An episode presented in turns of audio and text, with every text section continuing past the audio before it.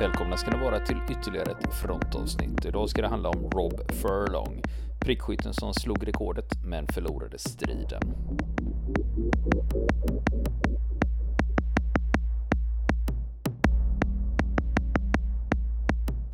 Ja Niklas, nu ska vi snacka prickskyttar igen. Ja, det är inte första gången. Nej, det är ju så att eh, det är fler än jag som nördar ner mig i sånt. Mm. Och eh, vi har flera, jag vet ju det att ett av våra mest lyssnade avsnitt ever är ju det om Simmo Heje, den mm. finska prickskytten, vita döden. Som fortfarande har ett uh, rekord i antal dödade fiender. Vi kommer att prata rekord idag också, men då gäller det distansrekorden då. Just det, det och, har ju slagits något. Just det, det var, nu är det Exakt idag är det 21 november 2023 och eh, bara häromdagen så kom det nyheter från ukrainska medier om att en ukrainsk prickskytt, eh, närmare bestämt en i SBU, alltså säkerhetsstyrkorna, skulle slagit nytt världsrekord i prickskytte och den här gången ska det vara 3800 meter. Och eh, till det så hade han ett mycket kraftigt gevär eh, som på ukrainska betyder herre över horisonten. Och när man, det rapporteras i västmedia så brukar det kallas för Horizons Lord. Eh, jag har sett, eh, eller Lord of the Horizon, jag har sett lite olika översättningar. Men du hade ju det ukrainska namnet Ja, också. Jag, hittade, jag hittade den ukrainska hemsidan här för tillverkaren då. Där står det att eh, just det här geväret heter Volodar Obryo. Och det betyder då horisontens herre. Och det är väl det är en 50 caliber va? Ja, eh, för jag, när jag var inne och läste hos tillverkaren här så visade det sig att de har eh, det, finns fler, den, det finns flera olika kalibrar. Eh, mm. dels 12,7 kalibern, alltså det man kallar för 50 cal, den här amerikanska mm. BMG, det står för Browning Machine Gun. Eh, dels den 12,7 eh, med den hylslängden, men sen finns det andra varianter med olika hylslängder. Och så har de även tillverkning i 14,5 mm och även upp till 23 mm. Oj då. Pax a punch, om man säger så. Ja, och det jag börjar fundera över då, liksom att när slutar det vara ett gevär och när blir det en kanon? ja, precis. Det, det, kan man ju fundera på faktiskt. Kan man göra. Man säger ju 20 mm automatkanon. Man säger inte 20 mm automatgevär. Eller hur? Nej, nej, det är klart. Men det, är det en eh, massiv kula så är det väl kanske fortfarande ett gevär. Men å andra sidan så har man ju pil, pilammunitionen till stridsvagnskanoner och den är ju inte spräng på det sättet. Så att, nej, det är lite, lite svajigt med definitionerna där. Ja, men mm. det är ändå... I min värld som, i alla fall. Ja. ja, för det är många som lyssnar på det som är väldigt fascinerade och intresserade av de här frågorna. Och det här med 3800 meter, alltså i min värld så är det liksom, det är så jäkla långt så att det, ja, ja det är helt, det, ja, det går knappt att greppa. Ja, förra, förra rekordhållande var 260 meter kortare än det här då. Ja, det var 3450 meter och det var en kanadensisk prickskytt eh, som satte det i Irak 2017. Mm. Och innan dess så pratade vi, vi gjorde ju faktiskt avsnitt om britten Craig Harrison. Ett tag hade ju han rekordet. Eh, också från strider i Asien. Så att eh, men man skulle, man skulle ju bra gärna vilja veta lite mer för det har inte kommit ut så mycket detaljer än. Hur det här gick till och hur, jag menar, nästan fyra kilometer. Jag menar, var är du pos positionerad då och vem är det som du har som måltavla? För ett sådant långskott. Vad, alltså, vad är grejen? Det blir jag ju jättenyfiken på här. Ja. Nej, det har inte kommit ut sådär jättemycket kring det här. Mer än man pratar om distansen, vad det är för gevär. Eh, så, men eh, ja, det brukar ju krångla lite. Det finns en videosnutt som kom ut på Twitter, eller X som det numera heter. Där man påstår att det är det här, det här är videobeviset på det här skottet då va. Mm. Sådär. Men det är också svårt när det ska filmas på så jäkla långt håll. Det är svårt att se vad det är. Se Nej, vad som är vad och man, eh, exakt vad är det som händer. Om exakt. man är lekman kanske jag ska tillägga. Ja, det, det är ju lite så med en hel, och det, det, vet ju alla som har följt Ukraina-kriget och andra konflikter och bildmaterialet som har kommit ut att man, det, det, är ofta, man är inte säker på vad det är man ser många gånger. För att det är ofta taget ur sin kontext och, och så vidare. Och man får ju alltid ha i bakhuvudet att det, det, det ska ju naturligtvis tjäna ena sidans syfte. Många gånger också, men det här eh, vi får, in, eh, vi får ju invänta så att säga mer detaljer och kanske någon slags ytterligare officiell bekräftelse där då. Så vi kan få bilden att klarna lite mer vad det egentligen är som har hänt. Ja, precis. Och det är ju det. Eh, det är ju det är då det blir. Man har, så då, I så fall har ju vi lite mer att berätta. Ja, eh, om det här. exakt. Nu berättar vi bara vad vi, vi vad vi har hört. Ja, exakt. Eh, vi, vi, vet ju inte. Nej. Så att, ja, vi får återkomma. Ja, så fort vi vet mer. Så fort det börjar mm. sippra ut mer detaljer kring det här så att man kan göra sig en bild av det så, så lovar vi återkomma. Mm, precis. Men nu ska vi tillbaka i tiden. Nu släpper vi 2023 konflikten i Ukraina och så åker vi tillbaka till 2002 eh, Eh, och då är vi i Afghanistan. Korpral Rob Furlong han låg bredvid geväret med magen mot marken och koncentrerade sig hårt på sin andning. In, ut, in, ut, in, ut. Djupt men inte för djupt. Långsamt men inte för långsamt. Minsta lilla ryckning, en tung utandning kanske, eller ett andetag som hålls en sekund för länge. Det kan få vapnet att rycka till så att en säker träff förvandlas till en knapp miss. I prickskyttevärlden, där ett skott alltid ska vara lika med en träff, är en bra andningsteknik lika avgörande som att vara stadig på handen och kunna hantera sitt vapen. Det här är en eftermiddag i mars 2002 som Rob Furlong siktar genom kikarsiktet på sin Macmillan TAC 50. Det är ett ganska slankt repeatgevär och det är nästan lika lågt som han själv. Och i hans sikte, det fanns tre män som alla släpade vapen mot ett av al-Qaidas granatkastarnästen högt uppe i bergen i östra Afghanistan. Överkorpral Tim McMeekin, som satt bakom sin prickskyttekollega, han såg samma trio genom linsen på sin vektorkikare. Det är en kikarliknande enhet som använder en laser för att peka ut mål på tusentals meters avstånd. Och båda soldaterna talar tyst om det uppenbara, att ta ut det största hotet först. I det här fallet mannen i mitten av de här tre. Han bar nämligen en RPK-kulspruta. Och enligt den här vektorkikaren som McMeekin höll, då befann sig kulspruteskytten exakt 2430 meter bort. Ja, det är ju nästan 2,5 kilometer då. Rob Furlong, skytten, kom från kanadensiska Newfoundland. Han hade ljusblå ögon och var vältränad. Han justerar höjdvredet på sitt kikarsikte och det är så att träffen från hans vapen ska träffa högre. Och han vrider klick för klick när han justerar om kikarsiktet. Han kunde rutinen, han hade övat på det tusen gånger hemma på basen i Edmonton. Ju längre bort från målet, desto högre bana skulle ju kulan färdas i. Blåser det till vänster, siktar något höger. De flesta prickskyttar de kommer att säga att det inte är mycket annorlunda än en golfare och hans caddy siktar in sig på en lång putt. Det är beräkning, det är instinkt och en liten gnutta tur. Och Rob Furlong har själv uttalat sig till den kanadensiska tidningen McLeans. Han säger så här att man kan lära sig en viss del av det, men det finns en stor andel som man måste ha naturligt. En bra skytt föds. Du kan inte lära någon att bli en bra skytt om de inte har det naturligt.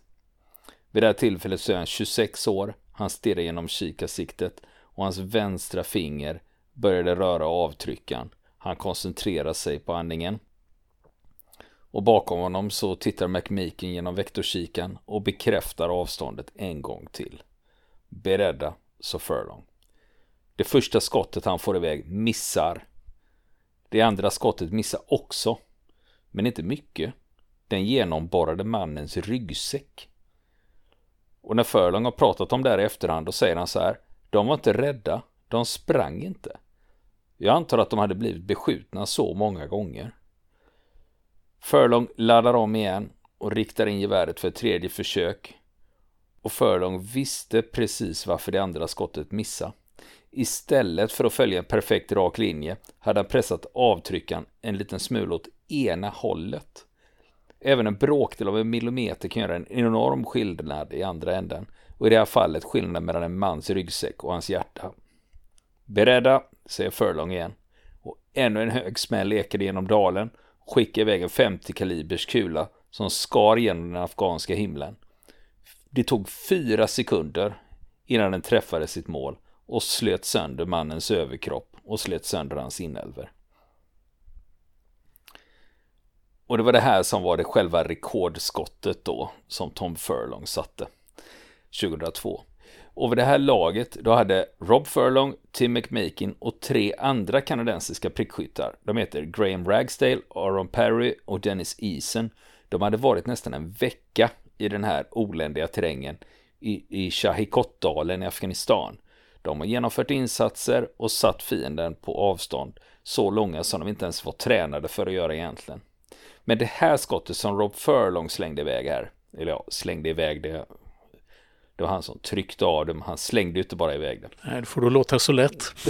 ja, du vet, eh, inom spelvärlden, de som gamers och sådana här, som spelar krigsspel och sånt, de pratar om något som heter 360 no scope.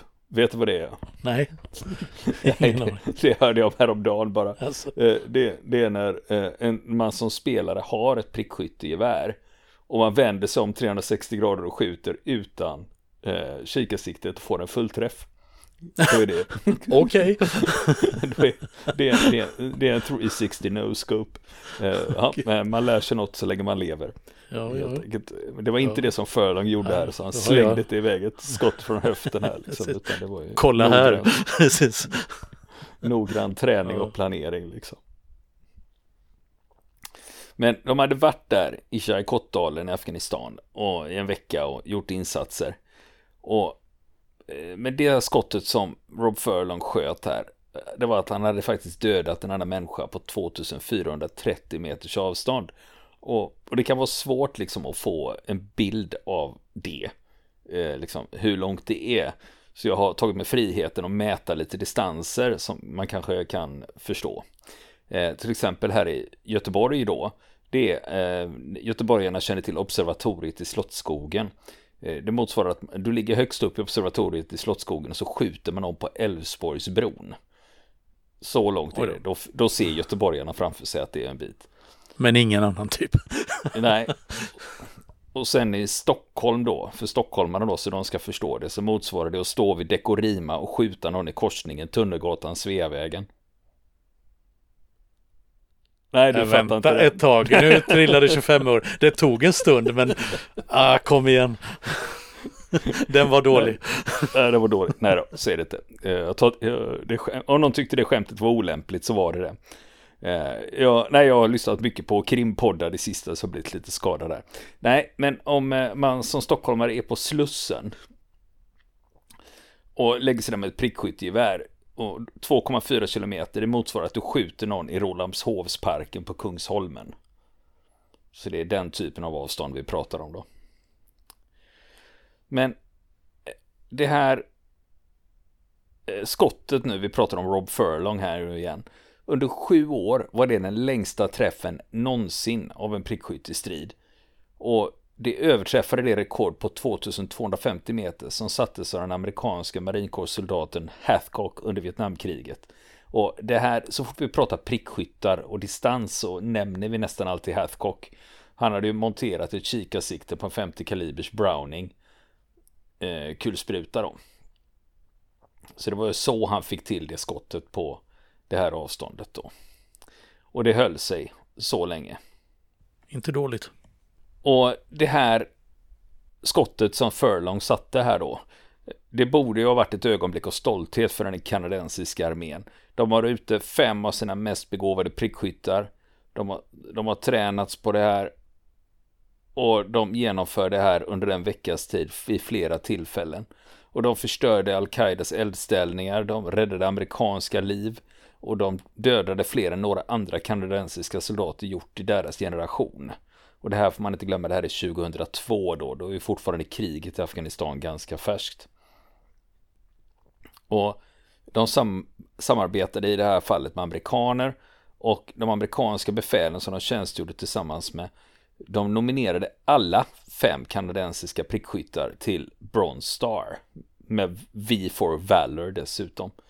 Och en av de amerikanska soldaterna som har talat med en tidning efter det här, han sa så här, tack gode gud att kanadensarna var där. För det var flera gånger som de fick rädda amerikanerna ur kniviga situationer. Men bara några dagar senare, då skulle deras insatser på berget överskuggas av misstankar. Bland annat om att en av de kanadensiska prickskyttarna under ett senare uppdrag skulle ha skurit fingret av en död talibankrigare och tagit det som souvenir. Och militärpolisen inledde en brottsutredning, men de fick bara förnekanden till det här. Och allt eftersom månaden gick så dök det upp så många motstridiga anklagelser och påstådda förklaringar att det aldrig väcktes något åtal. Och det här var sån högljudd debatt och diskussion i det här så att Rob Furlongs rekordskott det försvann liksom i förvirringen utan man pratar bara om de här anklagelserna om krigsbrott. Och det var till och med så att det var länge en annan prickskytt som beskrevs och det är helt felaktigt att det var den andra prickskytten, en annan prickskytt i gruppen som skulle ha satt det här rekordet då. Så det snurrades till rejält och det här blev inte bättre av att de prickskyttarna själva pratade inte så mycket om det här eh, externt överhuvudtaget med media eller med andra om vad de hade gjort där. Så det var väldigt mycket gissningar och rykten och andrahandsinformation och myter som snurrade runt. Och om vi nu hoppar fram, det här var ju 2002 då. Och sen när man då blickar fram bara fem år, 2007. Eh, då var tre av de här fem prickskyttarna som tjänstgjorde i Afghanistan inte längre kvar i armén. Utan då hade de antingen klivit av frivilligt eller blivit utknuffade. Och de, blev utsatt, de tycker själva att de blev utsatta för förföljelse då istället för att hyllas för sin insats. Och de föll offer för vad många tror var en häxjakt Eh, som drevs på av avundsjuka och politisk korrekthet. Jag ska säga att majoriteten av det som jag pratar om i det här avsnittet det bygger på en ganska omfattande artikel i en kanadensisk tidning som heter McLeans Sen har jag ju då kollat upp eh, flera av de här uppgifterna på annat håll och sen kompletterat. Om både Furlong och hans kollegor. Eh, och vi, vi sa ju det 2007 då, fem år efter själva skottet då. En av de här prickskyttarna, eh, eh, han har ju slutat på egen begäran. Och Furlong, han har också lämnat armén på egen begäran. Och då var han, då vid det tillfället så var han så desillusionerad att han knappt stod ut med tanken på att ta på sig en uniform igen. Och gruppchefen då, Graham Ragsdale, han drabbades av det kanske värsta ödet. Han, han fråntogs sitt befäl och diagnostiserades senare med posttraumatisk stress. Och, så, och de påföljande åren därefter 2002, då hade han dessutom en väldigt djup depression att, att kämpa med då. Och det var inte klart här liksom. Utan hela den här administrativa frågan där, det, det blev dessutom ytterligare en utredning. För det finns, eh, kanadensiska försvaret har en oberoende ombudsman som heter Yves Och han skulle utreda det här i mer än 30 månader. Då granskade hans stab historien och det de skulle titta på då, den gången, det var att avgöra om arméns befälskedja skulle ta en del av skulden för att några bra män gick under. Och att några bra män gick under, det var hur det gick för de här prickskyttarna. De skulle alltså se, liksom, har de behandlats korrekt av den kanadensiska armén? Och den här utredningen kom så småningom fram till att befälen i kanadensiska armén inte har gjort något fel. Och då höll han på att rota i det där i 30 månader. Och sen när Furlong då eh, 2007 blir intervjuad av den här tidningen McLeans, då säger han att eh, det, är sorgligt att se vad som hände där borta.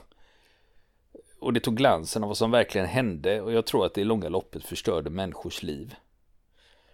Men om vi nu ska tillbaka eh, så kliver vi tillbaka in i historien här och nu är vi tillbaks 2002 i Afghanistan när det är dags för de kanadensiska prickskyttarna att påbörja den här insatsen. Och det startar den 3 mars 2002. Det är hundratals kamouflageklädda soldater som stapplar in i Chinook-helikoptrarna på landningsbanan på Bagrams flygfält utanför Kabul.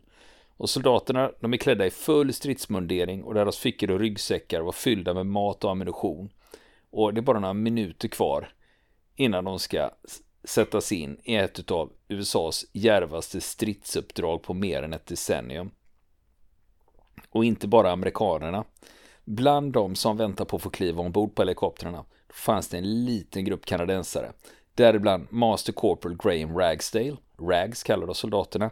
Han är gruppchef för den här lilla gruppen prickskyttar och de ingick i tredje bataljonen av Princess Patricia's Canadian Light Infantry. Och Ragsdale, han var en populär chef och han uppskattades lika mycket för sitt tålamod som för sina talanger med geväret. Och en av soldaterna som han har haft befäl över säger så här. Jag önskar att jag bara hade en gnutta av hans kunskap. Och eh, de som kände Rags, gruppchefen, bäst ansåg att han var en självklar kandidat för att en dag få graden Master Sniper. Det här med Master Sniper, det betraktas som ett brödraskap. Det är ungefär två dussin prickskyttar i hela den kanadensiska armén som ingår där som får kalla sig Master Sniper. Och Ragstays lilla enhet här på fem personer. Det var ett sammansvetsat gäng, en liten grupp eh, som respekterar varandra. Och sen blir det också en speciell typ av sammanhållning för alla har genomgått samma typ av utbildning. Och eh, den här typen av utbildningar som de har gått, där, säg att det kommer in ett dussin rekryter, så är det kanske tre eller fyra som kommer att klara av det. Och det gör att de som väl har gått igenom det här, de har ett speciellt band till varandra. Hur många kanadensiska soldater var det som skickades dit inledningsvis då? Eh, jo, det var 900 stycken. De flesta av de här trupperna, precis som Ragsdales eh, prickskyttegrupp, de tillverkade sina första veckor där med att bevaka det inhägnade området Eh, runt eh, flygbasen i Kandahar. Eh, det var ganska farligt arbete vid den här tiden. Dagen ända så stod de vakt i tornen med sina 50-kalibriga gevär och de var redo att skjuta om det skulle hända någonting. Men det, det hände ingenting under deras tid som de var där. När februari 2002 övergår i mars 2002 då får prickskyttarna order att nu ska de packa. De ska flyga norrut till Bagram. Och det är att den här lilla prickskyttegruppen, de är handplockade och det är Kanadas enda bidrag till Operation Anaconda som amerikanerna ska sätta igång med där. Har du talat om Operation Anaconda? Det känns som jag har gjort det men jag är faktiskt svaret skyldig. Det, jag är inte säker. Ja, eh, den har blivit Låter lite... bekant i alla fall, mm, men ja. namnet. Men... Jag ska hoppa lite framåt i, i den här berättelsen, just eh, den här Operation Anaconda. Det finns en händelse som är väldigt, väldigt, väldigt, väldigt känd. Eh, det var vid ett tillfälle då man skulle, land, man skulle landsätta amerikanska soldater på en, på en, på en bergstopp där. Problemet var att det var, den var redan besatt av talibaner så det blev en eldstrid där.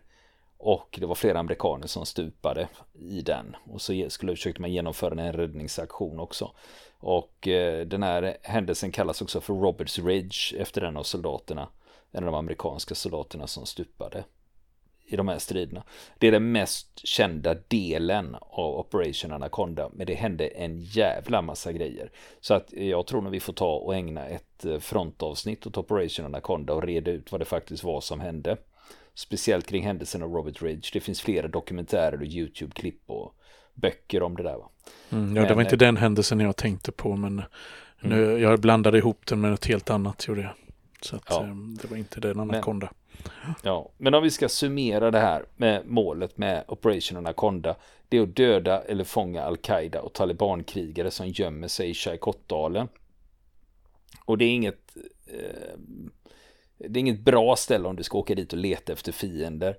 För det är höga snöklädda berg och väldigt speciell terräng som gör att det är väldigt svårt att eh, bedriva strid på ett, på ett bra sätt. Eh, dessutom så är det ytterligare ett problem där att det finns en sympatiserande lokalbefolkning och då sympatiserar de inte med amerikanerna och kanadensarna. Och de här amerikanska specialstyrkorna var förstärkta av en liten armé av afghanska krigare som skulle stå för det mesta av striderna. Och sen var det hundratals andra konventionella trupper. De skulle vakta eventuella flyktvägar. Och man hade ägnat några veckor åt att göra precisionsangrepp från luften och då skulle Anaconda bli den största markoffensiven i kriget mot terrorismen. Och de kanadensiska prickskyttarna ombads att följa med för säkerhets skull. Master Corporal Aaron Perry, en av de kanadensiska prickskyttarna, han säger så här efteråt i en intervju att det var otroligt. Vi var på rätt plats vid rätt tidpunkt och hade turen att få göra det. För de var ju bara fem kanadensare som skulle med på det här. Så de kände ju sig väldigt privilegierade. Och just han, Aaron Perry, han var 30 år. Han var väldigt storväxt. Han var tyngdlyftare. Han är extra knäckt som dörrvakt i centrala Edmonton. Och han hade gått med i arméreserven vid 17 års ålder. Och när han väl kom till Afghanistan då hade han tjänstgjort en gång i Kroatien och ytterligare två gånger i Bosnien. Och han hade varit fallskärmsjägare, närstridsinstruktör och nu är han ju prickskytt. Men han var också en återkommande nagel i ögat på sina överordnade för han var väldigt frispråkig och hade en enorm kroppshydda. Och bara några veckor före uppdraget i Afghanistan så klagade hans regemente Sergeant Major, ja, alltså motsvarande regementsförvaltare i svenska armén.